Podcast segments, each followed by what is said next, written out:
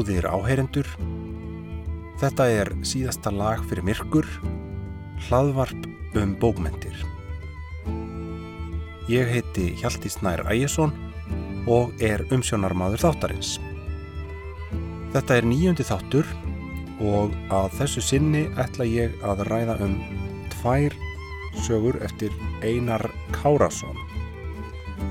Það eru Stormfuglar frá árinu 2018 og Þung ský frá árinu 2021 og um, þetta eru mjög áþekkar bækur og um, þess vegna tekið þær saman í þessum tætti í staðin fyrir að taka bara aðræðra mér finnst er það svona svipaðar og Já, þetta er seria greinilega sem Einar er með í vinstlu og hann hefur meira segja sagt það, hreint út í viðtali að uh, það komi einn bók í viðbót að það sé þá þríleikur.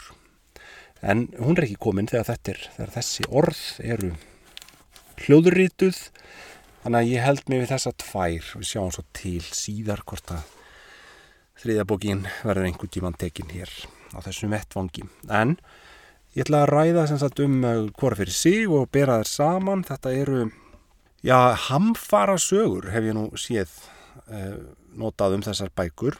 Þetta eru bækur um slís og lífsháska.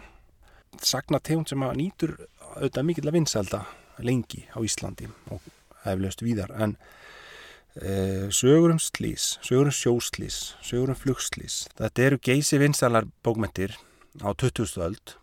og um, já, eru enn.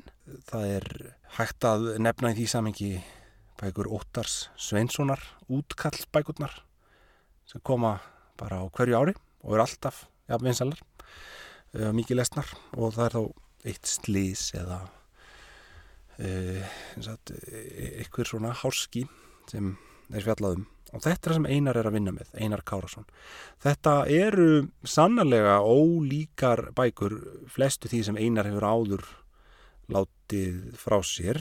Og ég held að megi hæglega tala um að hér sé nýrkabli í hans höfundaverki.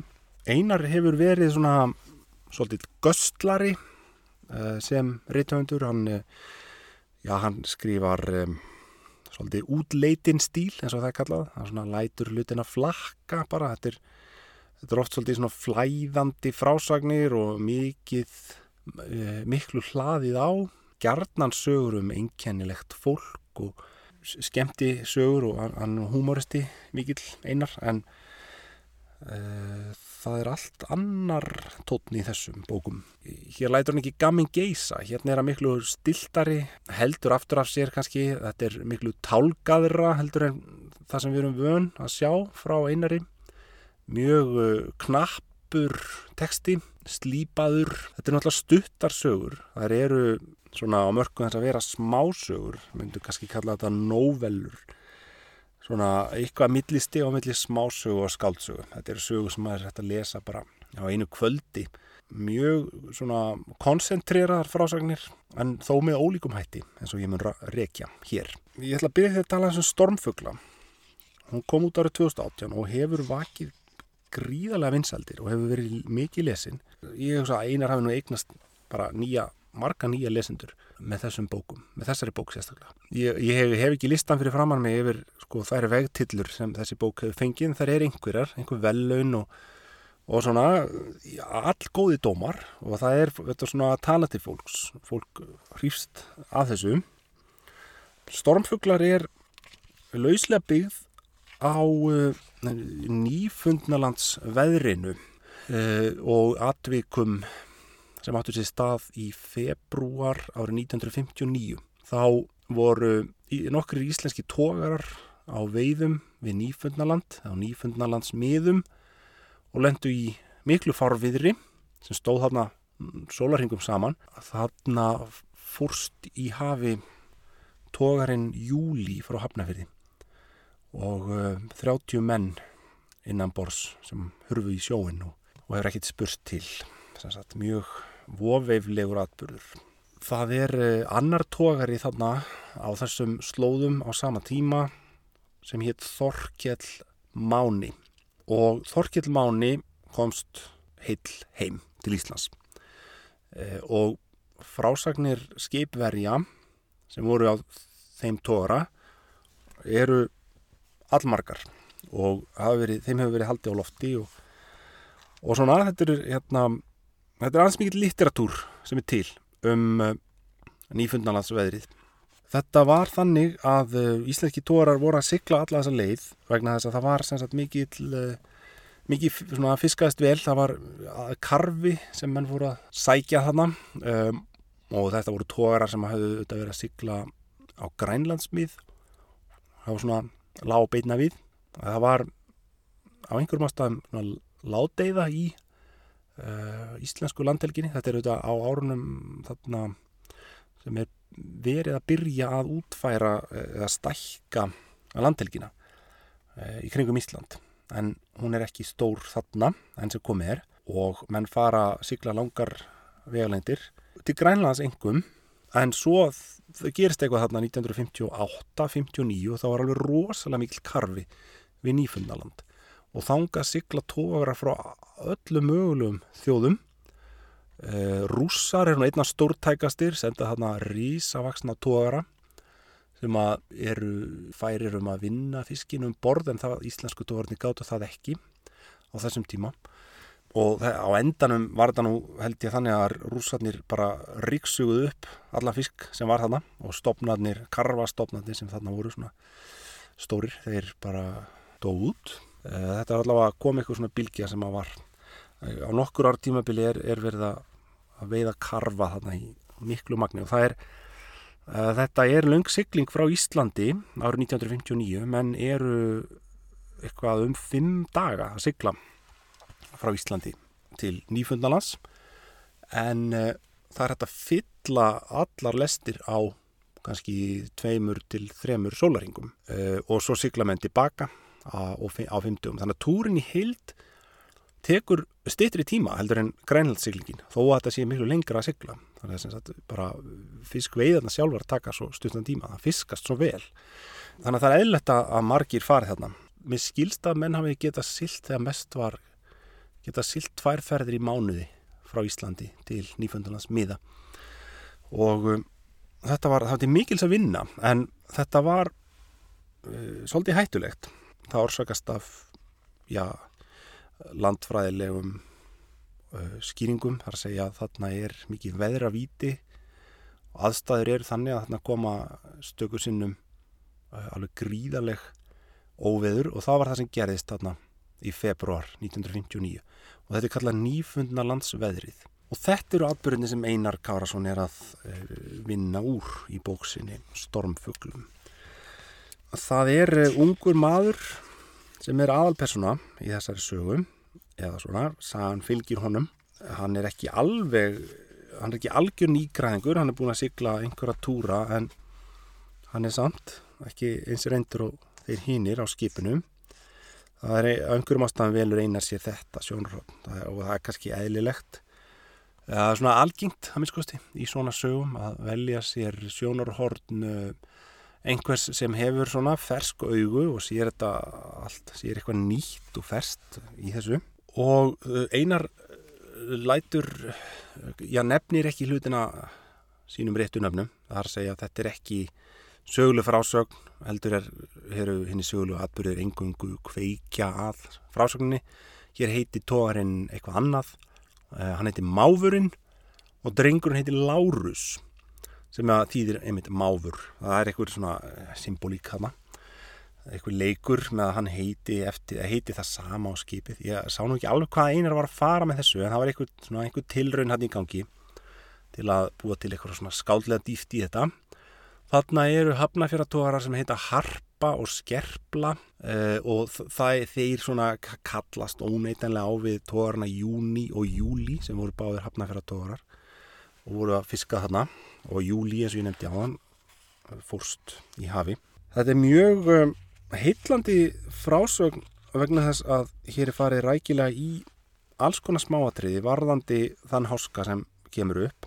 Það sem menn er að gera þarna á tógaranum og ímsum öðrum, bara öll, flestum tórum býstífið sem að lenda í þessu farviðri er að þeir eru að mölva ís af skipinu. E, það hlæðist alveg gríðalur ís utan á þessi skip og það gerist vegna þess að það er mjög kallt og sjórin er hýtastig sjávarins er undir frostmarki. Salti hefur einhvern veginn þau áhrif að um, þetta getur gest sjór getur verið undir frostmarki og þess vegna bara hver einasta sletta af sjó sem kemur á skipi breytist í klaka og svo, svo hliður þetta utan á sig þannig að výratnir eru odnir á þygt við tunnur eins og það er orðað einhver starf og um, ég menna stýrishúsið og kvalbak og hvað þetta heitir allt saman. Bara að sjá myndir af þessum skipum sem hafa lendi í þessu. Þetta er alveg ótrúlegt. Þetta hliður á sig eh, öllum þessum ís og skipið þingist eh, tekur á sig meiri vind. Og þetta er hættu spil vegna þess að ef þetta heldur bara áfram áfram á ísin hlæðstu utan á þá náttúrulega endar það bara á einn veg með því að skipið sekkur.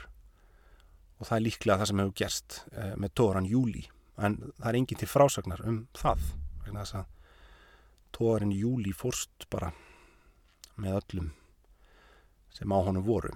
En við höfum sem sagt frásagnir frá Þorkili Mána. Og það eru þær sem einar byggir á hér hér er alls konar smáatriði um það hvernig maður á að gera þetta. Hvernig maður á að berja ís á skipi? Eh, það má ekki nota of þungbarefli það er eitt sem er nefnt uh, vegna þess að þá þreytist maður fyrr. Þetta eru menn sem þurfa að vaka sólarhingum saman við að gera þetta.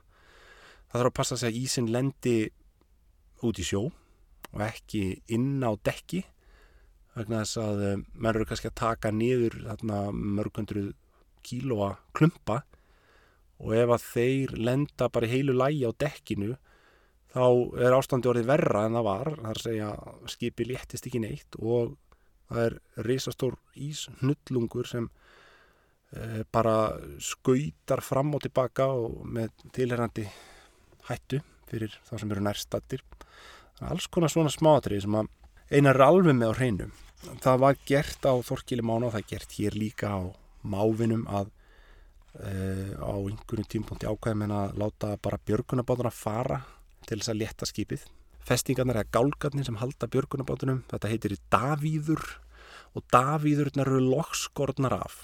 Um, og það þarf að gera það á réttanhátt það, það voru að passa sig að, að þetta losni frá þegar veldingurinn er á þann veg að, að drastli lendi út í sjó. Það þarf að passa þetta vegna þess að gálgarnir eru mörg tonn á þyngd og það er ekki nokkulega að ná þeim af ef þeir lenda á dekkinu. Eh, þetta er svona bara gríðileg útsjóna semi og svona verk kunnáta sem að þessi menn þurfa að hafa. Um, nú um þetta er sagan og er þetta er sem sagt að ég held þryggja sólarhinga baráta sem að menn voru í þarna. Megnið af frásögninni í stormfuglum er bara þetta menn að róa lífróður hreinlega. Þeir fá tveggja klukkutíma kvíld á sólarhing og uh, eru náttúrulega al, algjörlega lerkaðir þegar þessu líkur Sumir bera þess aldrei bætur og hætta bara, geta aldrei farið aftur á sjó. Er, þetta er gríðilega vel gert og vandað hjá innari, þetta er alveg sannleikan og sangkvæmt, þetta er mjög í anda þess sem gerðist á Þorkili Mána. Og ég skil vel að fólk hillist að þessu en í samræðum mínum við fólk sem hefur kynnt sér verkið, þá þykist ég sjá ákveðna tilhengu sem er svo að fólk sem þekkir efnið fyrir það hefur kannski aðeins minna álit á bókinni. Vegna þess að einar e, þykkur þetta mestuleiti frá öðrum. Það er, það er til eins og ég segi það hefur mikið verið skrifað um þessa atbyrði og við höfum lýsingar sjónarvotta mannana sem voru þarna um borð e, já, einar kingar hún kolli til Steinars Jóð Lúðvíkssonar hérna upp á bókarna hann er höfundur bókaflokks sem heitir Þrautgóðir á raunastund og er svona sjóslýsa annál Íslendinga á 20. stöld. Þetta er heldur 17 bindi, þetta er alveg meira átt að balkur og einar er greinilega búin að lesa þetta. Nú, en hann nefnir ekki Óttar Svensson. Óttar hefur einnig skrifað bók sem heitir Útkall í hamfara sjó og kom út 2015 og lýsir atbyrðunum þarna á nýfundnalandsmiðum 1959 Þorkili Mána, þetta er allt í smáatriðum. Hans heðtoft, danska skipið sem sekkur líka, mjög rækilegt. Og ég held að óttar, sko, þeir sem vilja fá þetta nákvæmlega, vilja fá nöfn, skipverja um, þeir ætta að lesa þetta. Um, einar nefnir þessa bók ekki af einhverjum ástæðum. En allir þessi dítelar í sögunni eru eitthvað sem einar fær frá öðrum. Ég, og ég er ekki að sagja um rittstuldi heldur er ég bara að segja þetta er sko, það sem er kannski 70% af textanum er bara, er bara þetta. Það gerist í rauninni voru lítið í sér bók annað. Þetta er einn bara uh, lífsbaratan og, og þarna þessi mikli háski sem það lenda í. Um, persónsköpunin er til dæmis mjög takmörguð og við fáum ekki að vita sérlega mikið um þennan dreng. Það er kannski örlíti meira um uh, einn félagans á skipinu sem er, er svona ógjafum aður og hann hallar sér nú að flöskunni þegar hann kemur í land og hefur verið drikkveldur er borin hann áfengistöður um borð í skipi þegar þeir sigla frá landi. Uh, sá náðungi fannst mér svona sæmilega áhafurður en ég skil vel að þeir sem þekkja efni ekki þeir bara gjörsalega hrífist að þessu. Þannig að þetta eru ótrúlega rætburður þannig að ég, ég bara og stendur alveg fyrir sínu. Það er auðvitað fallega gert af einari að minnast þessar atbyrða þetta er gott framtak ef svo má segja.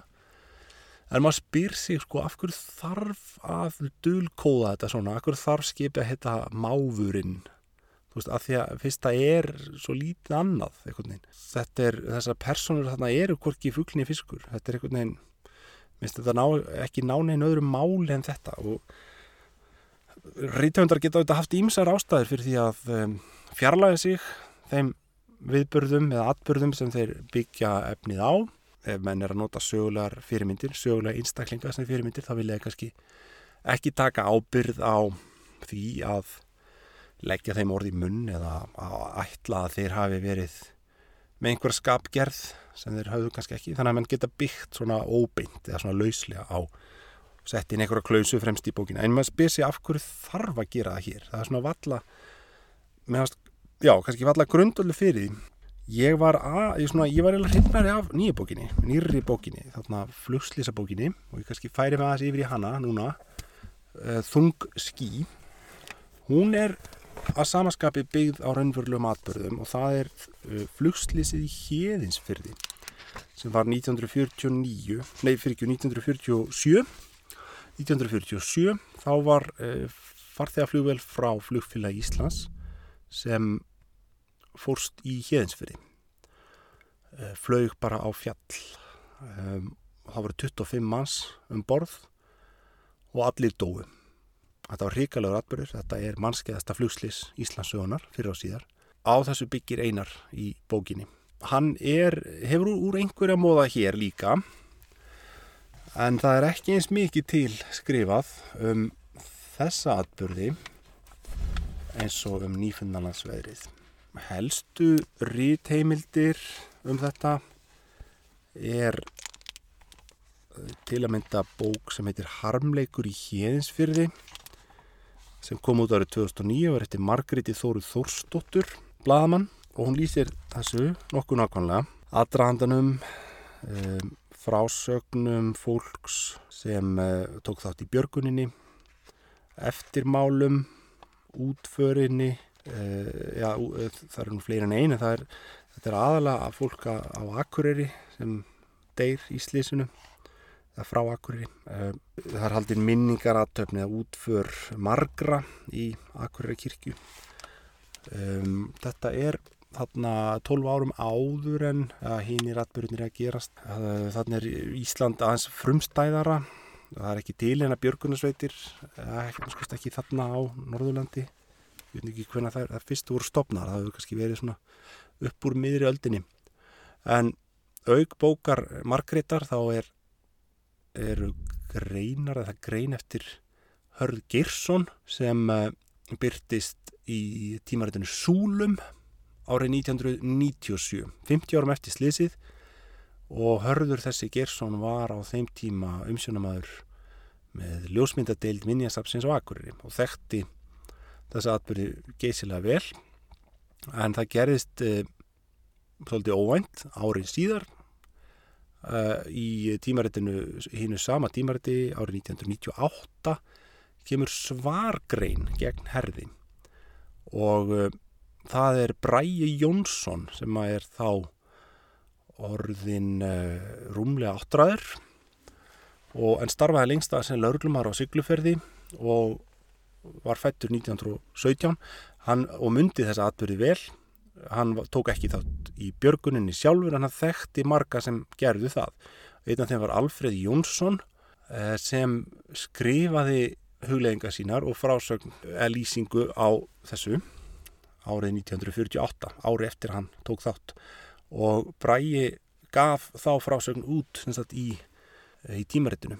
Og það var eitthvað í því sem stangaðist á við það sem Hörður hafi skrifað uh, ef ég mann það rétt þá voru þeir aðalega deilum hverji komið fyrstir á vettamang um, og Braga fannst Hörður ekki fara nógun ákvæmlega með en Hörður fekk að bæta því við uh, í smá písli að hann hefði skort heimildir.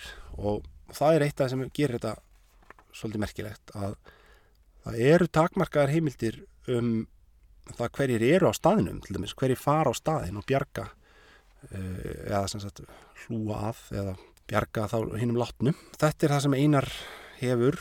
Hann byrja bókin á að senda þakkir eins og í fyrir bókinni og það er Örlegu Kristvinsson sem fær þær. Uh, ég held að fadir hans hafi tekið þátt í, í björgun eh, eða komið að flugvilni í björgun og leiðungri og Örlegur er ger ég ráð fyrir eh, margfróður um þessa atbyrði. Nú, uh, það er ákveðin eðlist munur á efni viðnum hér með við stormfugla, þar að segja atbyrðinir á nýfundalandsmiðum standa yfir hérna í nokkra sólarhinga og menn eru að berjast fyrir lífi sínu allan þann tíma. Uh, Flugslýsi aftur á móti gerst bara á einni mínútu, þannig að það er ekki að byggja á þeim atbyrði beint Eh, Einar fyrir doldi aðra leið af málum hér. Hann uh, rekur sögu fólks sem uh, tekur þátt í björguninni. Uh, það er einn persóna sem að kemur að flugvilinni. Það er einn persóna sem var í flugvilinni. Það er einn persóna sem var á leiðinni í flugvilina. Þetta er svona svolítið blandaður í frásögn og svona fleiri þræðir heldur en í stormfuglum að þýleiti kannski líkar í skaldsögu heldur en smásögu. Ég myndi segja að stormfuglar hallast nær því að vera smásaga vegna þess að hún er svo koncentreruð og einblínir svo mjög á svo vel afmarkað atvik. Uh, fáar personur uh, svona að mestuleiti bara bein frásögn, línuleg frásögn. Að þetta er öðruvísi í þungum skíum. Það eru meiri flækjur, það eru nokkra personur sem að ná hér máli. Þetta eru svona fjórar personur sem að bera söguna uppi og um, það er í fyrsta lagi drengurinn sem býr nálagt slís stað og það var auðvitað tilfellið að, að björgunamenn sem koma þarna að þessu slísi eru, er fólk á bæinum í kring. Og líka frá söglu fyrir Ólasfyrði en einnig fólk og mjög ungir menn sem að koma þarna skömmu eftir slísið. Drengurinn sem sagti frá hér er um, sérkennilegur. Hann er innrætt, talar valla stakt orð fyrir hann er orðið nýjára gamall og þá kemur á daginn að hann er fluglæs og enginn vissi til þess að hann hefði lært að lesa. Uh, hann sökvi sér í bækur og er svona einn í heiminum. Það er það gefir mjög sterklega til, til kynna að hann sé yngverfur. Það er svona hinn um, raugrétta skýring uh, en þekking sögumassins eða þess sem segir söguna virðist takmarkast við það þekkingastig sem er í gangi á þeim sögulega tíma þegar atbyrðinni gerast. Þannig að það er ekki negin svona vísindarlega rött sem skilgrinir sjúkdóminn eða hvað við kallum þetta, þessa röskun hjá drengnum. Þetta er bara álugtun sem við lesendur getum dreyið en hegðun hans er alltaf mjög í þá átt að þetta sé einhverfa. Og hann uh, hefur mjög takmarka félagshæfni, hann uh, getur alltaf að tala við fólk um, nema eina, tvær setningar og svo bara lokast hann einhvern veginn. Um, fólk skilur ekki neitt í þessu, hann þrýfst í sveitinni eðlilega. Uh, hann dugur ekki vel til þeirra verka sem þarf að vinna þar. En hann dreymir um eitthvað stærra og meira. Og draumar hans tengjast flugi. Hann sem barn les sér til um fuggla og uh, verður sérfæðingur í öllu sem tengist fugglum, takkir þeirra eiginleika. Og síðan færist þessi áhugi þegar hann eldist yfir á flugvílar og þegar hann kynnist því fyrirbæri. Uh, og ég veit ekki hvort að maður á að kaupa þetta svo glatt eða sko að áhugi á fugglum geti þróast yfir í það að vera áhugi á flugvílum en kannski er það bara eðlilegt í hinnum yngverfa veruleika. Um, maður myndi halda að þetta væri svona tvent ólíkt en jú, hvort það ekki að flýgur það er vissulega rétt. Og það er svolítið gert með það í bókinni setna að uh, fugglarnir eru þrátt fyrir allt fullkomnastir alls þess sem flýgur og aldrei hrapa þeir og aldrei brotlenda þeir eins og flugvilarnir og þessi tæki mannana en drengurinn sem sagt fær áhuga á flugvilum og lesi til um þær og veit smátt og smátt allt um flugvilar einar nefnir nokkra bækur. Eina, einn þeirra er Fokker flugvilasmiður eftir Bruce Gold sem kom út hjá uh, kom út ára 1940 þetta er, ég, önnur heitir Fluglistin eftir Edgar B. Shieldrop gefin út 1939 ég reikna með þetta séu bækur sem eru raunverulegar hafa komið til. Einar hefur svona áhuga á bókmenta smekk þessa tíma, hann gerir þið sama í stormfuglum. Sjómerindir er að lesa bækur í, af bókasafninu og þá færa hann smá tilefni til að nefna þarna nokkra titla sem hann þykja kannski gefa réttan tón fyrir söguna. Og það er sama hér. Um, nú svo gerist það að þessi drengur sér ja, hann fylgist með flugvilum þegar þær fljúa þarna yfir og skráir held ég flugferðir mér sér nýður slíkan áhuga hefur hann að þessu og svo gerist það semst einn dag að hann sér flugvel sem flýgur alveg ótrúlega látt yfir og svo fréttist það dægin eftir að hún er horfin, þessi flugvel. Og þetta er sem sagt fyrsta líkil personan í bókinni. Næsta persona er maður sem heitir Hjálmtýr og hann er svona stórlags, hann er forstjóri í stóru fyrirtæki sem að rekur vestlanir bæði Norðalands og Sunnan og hann er sjálfur að Norðan og er á leiðinu norður með fluginu. Og áðurinn lengra er haldið þá er kannski rétt að nefna það að ég mun nú uh, segja ansi vel frá því sem framfyrir í bókinni. Þannig að ég hvet þá sem er ekki búin að lesa hana og vil ekki vita mikið uh, til þess að uh, stoppa hér og hlusta bara aftur þegar þeir eru búin að lesa bókina. Þannig að nú er ég búin að vara eitthvað við en Hjálmtýr er sagt, eini fullorni einstaklingurinn sem lifir flugslýsið af og hann, það er uppfinning einars, það, það kemur ekki heim og saman við hér unnvörulega flugslýs í híðinsfyrði, þannig að það dói allir. Uh, hér í þessari sögu degi allir nema tveir, að segja hjálmtýr og svo barnung dóttir hans. Þau eru þrjú saman, uh, hjálmtýr og konan hans uh, og svo barni þeirra sem er bara kornabarn. Konan deyr en þau feðgininn lífa. Og síðan er það hún Hulda hún er uh, kona sem er á leiðinni norður og uh, ætlar sér að kaupa miða í flugið en uh, það vil svo óhefilega til að hún gleymir seglaveskjunu heima hjá sér hún býr í Hafnafyrði og hefur tekið strætisvagn til Reykjavíkur til að kaupa sér flugmiða með velinni daginn eftir. En þetta fer svona að hún gleymi veskinu og þarf að fara heim og reynir að eh, reyna að drífa sig heim og svo aftur tilbaka fyrir lókun og um, skilur ekkit í þessu. En þetta er þetta verður til þess að hún missir af vélinni og lifir af. Nú þessi persóna á sér raunverulega fyrirmynd og frá henni er sagt í bók Margreðar Þóru Þórsdóttur.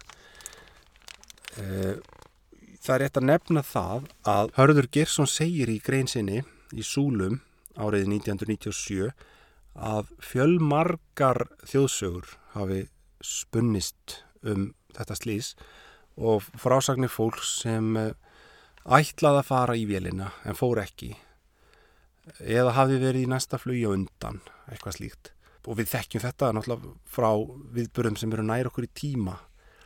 Um, hver hefur ekki hýrt sögum eitthvað sem var á leiðin í tvíbaraturðnana þegar þeir hrundu eða var í þeim daginn áður eða ætlaði að fara daginn eftir eða eitthvað svona. Þetta er svona kunnulegt stef í hamfara frásögnum og um, hörður sem sagt fullir það að það sé til margar svona sögur og hann lætur eina slíka fylgja og eftir því sem ég kennst næst þá er það, þá er það eina varðveita svona frásögnin sem tengist flugslýsinu í híðinsfyrði og ég er ekki að efast um það að þær hafi verið fleiri og að þetta sé, hafi verið sögur sem gengur svona á milli fólks frá manni til manns. En eina svona frásögnin sem við höfum á prenti skulum við segja er frásögn Marju Jóhansdóttur frá Hömrum. eh, og hún lendi í nákvæmlega þessu. Hún fór á eh, ferðaskrifstóna ætlaði sér að kaupa miða í flugið en eh, reyndist þá ekki vera með veskið með sér og fór heim og ætlaði að finna veski og þá hafði hafði, hafði peningarnir verið ripnir upp og veskið lág eins og hráviði á eldursporðinu og svo fekk hún einhvern ægilegan verk eða einhverja pest og laðist bara í rúmið sama dag þannig að hún ákvaði að býða bara og láta sér batna og fara svo í næsta flug eftir að henni væri batnað. Og svo fréttir hún bara flugslísinu þannig að þetta er greinilega fyrirmyndin sem einar notar hér. En hann býr hinnar personunar sennilega til svona mestuleiti Jú það eitthvað þessu er úr, úr, úr öðrum áttum og þá nefn ég fjóruðu personunum sem er ljósmóðurinn Ethel. E, mér skilsta einar hafi fengið þá mannesku lánaða úr einhverju annari átt. Hún tengist ekki þessari þessum atbyrðum hér en þetta er eh, personu sem á sig fyrirmynd. Og þetta atvikast þannig að drengurinn eh, þessi sérlundaði drengur, hann er fyrstur á slýstað og finnur þar hjálmtí sem er enn á lífi og litla batnið og hjálmtí réttir honum batnið og segir reyndu að bjarga batninu og þá hleypur hann af stað, hann tekur batnið, setur það inn á sig og hleypur af stað og veit af þessari Ethel sem er sænskættuð á útskýrinafnið og hún er ljósmóður, eh, er eh, mjög reynd og fróð um unga börn og hefur tekið á móti mörgum unga börnum e, og hún bjargar barninu e, og þess að kemur í vekk fyrir að það deyr. Og e, síðan e, líða þarna einhver ár. Þetta er, þetta er laung og viðamikil frásögn.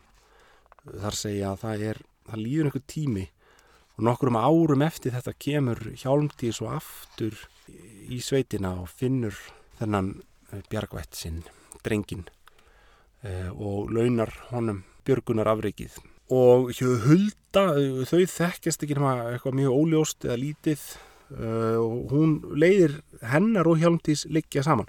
Þetta er svona kunnuleg frásögn þar að segja að það er byrjað á nokkru personum sem þekkjast ekki og svo gerast einhverju atbyrði sem verða til þess að leiðir þeirra liggja saman.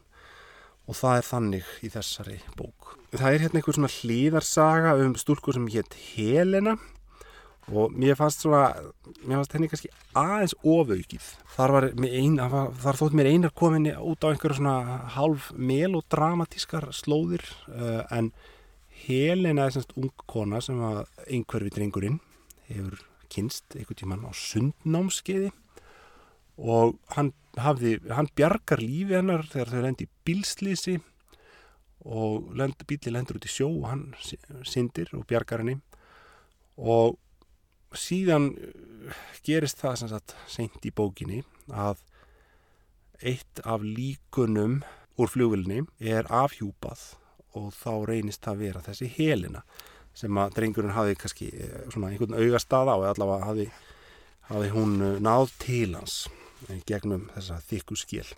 Þetta fannst mér svona of mikil tilviljun eða of, of mikil krókur á leið frásagnarinnar en uh, hér er nokkuð ítalega sagt frá líku burðinum. Þetta er náttúrulega slís sem gerist í mjög brattri hlýð og mesta áskorunin uh, hjá þessum um, björgunamönnum er að bera líki niður hlýðina og það þarf tvo eða þrjá saman til að bera eina mannesku og þetta er ótrúlega bratt og erfitt og svo þarf að raða öllum líkurum hérna í fjöruna og býða eftir bát og hafa samband við einhverja menn til að sigla þessu í byggð. Um, maður getur eitt ímyndað sér hvers konar tráma þetta hefur verið fyrir þá sem tókuð þátt í þessu.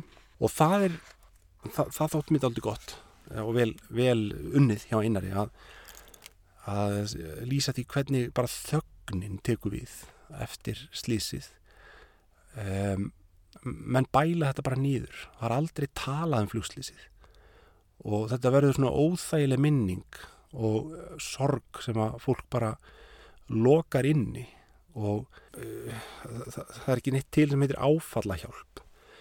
Eða svona hugræna atferðlis meðferð eða það að koma sorginni og áföllunum frá sér með því að tala um þau. Uh, menn gera kannski svona í einrúmi og eins og þessi Alfred Jónsson virðist hafa gert þarna uh, árið 1948 en svona heilt yfir eða á heiltina liti þá er þetta það sem blífur á þessum tíma. Að maður talar ekki um svona. Og ég held að það, þetta komi alveg heim og saman við veruleikan og þetta er svolítið svona til umfjöllunar hérna hjá einari. Og Ethel, hún er sömulegis svolítið á svolítið bátt, hún glýmur við þunglindi, sínsmanni hún segir einhver staðar það er ekkert að mér þetta er bara þunglindi. Þetta er samfélag sem er ekki búið að viðkjanna svona sálræna kvillan það er áhugavert eina skulið svona að taka þetta með í reikningin. Þannig að þetta er viða mikið og það kemur síðan, það koma hægt í tveir kaplar sem eru skáleitraðir og þá er það drengurinn sem talar uh, úr fjarlægð mörgum ára setna og hann er, til dæmis lokar frásögnir, ég held að síðasta klausan, já, síðasta klausan í bókinni er hjá honum þá segir hann, svona dregur hann þetta saman og hjálmtýr launar honum lífsbjörgina með því að koma honum í nám, borgar fyrir að nám og, og uh, hann næra að virkja þessa yngverfu sína til góðra verka. Þannig að þó að þung ský sé mjög í anda stormfugla og það er kallast á og eru greinilega hugsaðar sem uh, sagnaflokkur, uh, þá eru þær líka ólíkar. Ég, svo ég tala fyrir sjálfa mig, er hrifnari af þungum skýjum. Ég fannst svona Já, einar gerir meira, hann á meiri heiður af þeirri frásögn. Hitt er lipulega gert en mikið fengi að láni í stormfuglum og ekkert að því en, en svona, maður kannski býður um meira og mér finnst hann taka þetta skrifi lengra og svona, komast aðeins, já, herra með nýjabókinni.